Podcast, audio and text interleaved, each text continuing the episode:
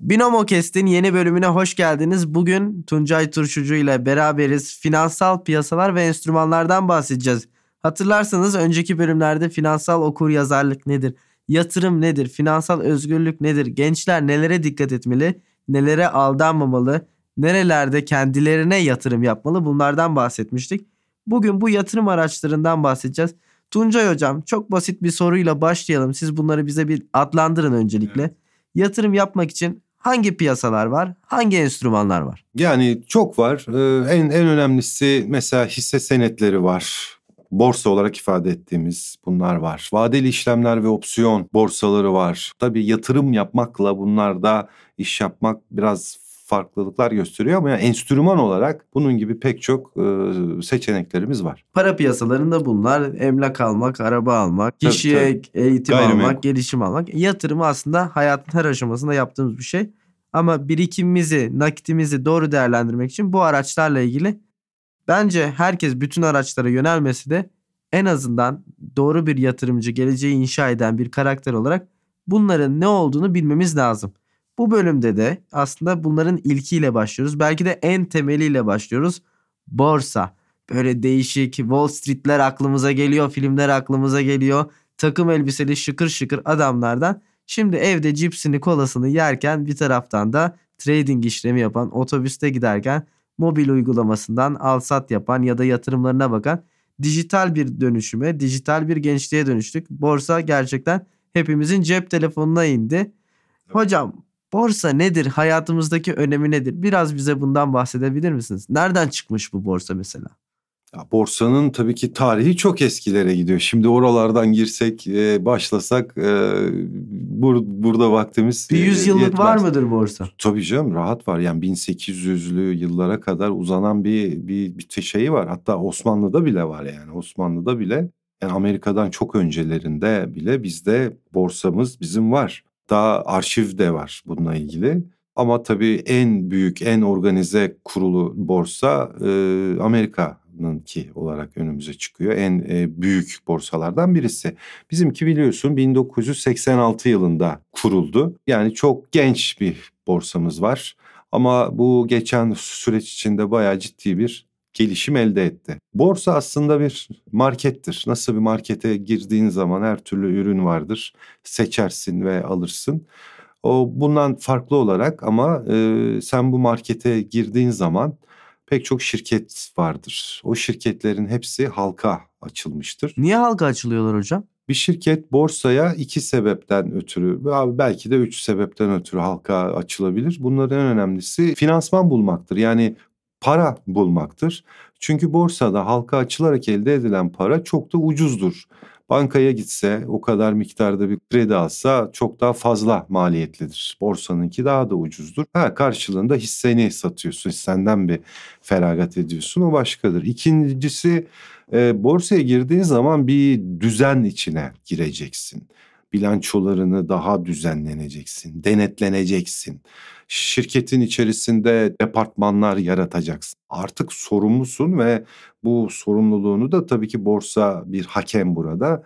Bana bak diyor ortaklarım var artık diyor binlerce yüzlerce onlara karşı neyse görevin yapacaksın diyor. Üçüncüsü de tanınırlıktır. Şimdi bu kısmı çoğu kişi bilmez tanınmış oluyorsun. Bir kere dünyada pek çok fon var, yatırım var. Türkiye'ye de yatırım yapan yabancılar var, fon var. Türkiye'nin de var e, pek çok fonu, portföyü.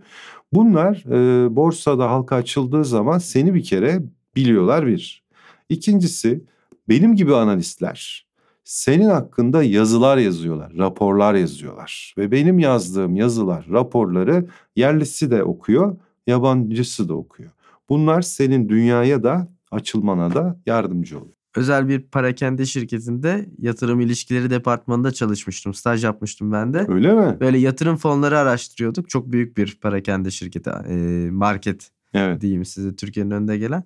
Çok da güzel bir şey hoşuma gitmişti. E, genel kurul yapıyorlar mesela. Şirket borsaya açık olduğu için online olarak yani bir hissesi olan bir kişi bile o kurulu takip edebiliyor. Yani borsa aslında Aynı zamanda bir şeffaflık da getiriyor olabildiğince Tabii. şirkete. Gerçekten bu bakımdan önemli. Peki biz toplum olarak Borsa algımız ne düzeyde? Gerçekten faydalanıyor muyuz bu borsadan? Bunu merak ediyorum. Ee, çok fazla değil. Yani halen daha e, dikkatlerin ve paranın büyük bir kısmı e, dolarda, dövizde, döviz ve altında. Yani Türk Türk toplumunda döviz ve altın hala çok ciddi bir yerde. Ağırlıkta hisse senedi oranı yüzde yirmilerde falan o kadar yani çok yüksek değil. Ama tabii 10 yıl öncesine göre bu yüksek bir rakam. 10 yıl önce çok daha Peki düşüktü. yani bizim ekonomimizde gerçekten bu borsa bilincinin kazandırılması döviz ve altından borsaya dönüşler yapıp ekonomimizi rahatlatabilir mi? İyi bir etki gel olur gibi geliyor bana. Ekonomimizi rahatlat yani gayri safi milli hasılaya bir büyüme sağlamazsınız. Yani bir şirket hissesini almakla gayri safi milli hasılayı e, büyütmezsiniz ama şunu yaparsınız. Liraya TL'ye güvenmiş olursunuz.